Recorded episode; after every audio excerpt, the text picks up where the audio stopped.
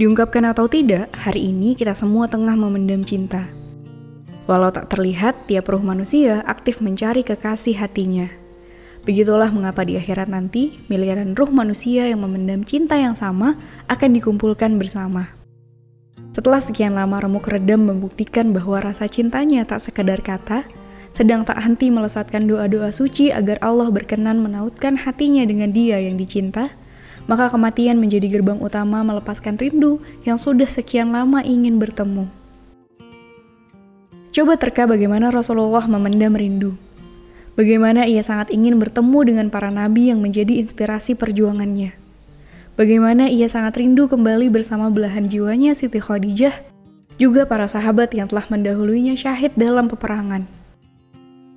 Coba terka bagaimana Umar bin Khattab memendam rindu setelah sekian lama meminta akhir terbaik, Allah wafatkan ia di kota Nabi dalam Masjid Nabawi sedang tengah mengimami sholat bernilai pahala seribu kali.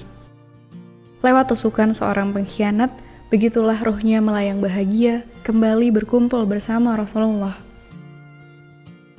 Coba terka bagaimana Utsman bin Affan memendam rindu. Selepas sholat malam, ia bermimpi didatangi Rasulullah. Datanglah berbuka bersama kami, Utsman, bersama Umar bin Khattab juga Abu Bakar. Maka lewat tusukan para pemberontak, Utsman bin Affan pergi untuk kembali. Ia bahagia bukan main akan berbuka puasa bersama Rasulullah dan para sahabatnya. Coba terka bagaimana Bilal bin Robah memendam rindu. Setelah sekian lama tak mampu melanjutkan azannya karena menyesak menahan pilu, maka kematian menjadi hal yang ia tunggu. Sebentar lagi aku akan bertemu Rasulullah, ucap Bilal sambil tersenyum menjelang wafatnya. Begitulah roh-roh manusia yang saling merindu untuk bertemu. Menunggu-nunggu pertemuan dengan Rasulullah, menanti-nanti kebenaran janji Allah. Dan barang siapa yang menaati Allah dan Rasulnya, mereka itu akan bersama-sama dengan orang-orang yang dianugerahi nikmat oleh Allah, yaitu nabi-nabi, para sidikin, orang-orang yang mati syahid, dan orang-orang soleh. Dan mereka itulah teman yang sebaik-baiknya.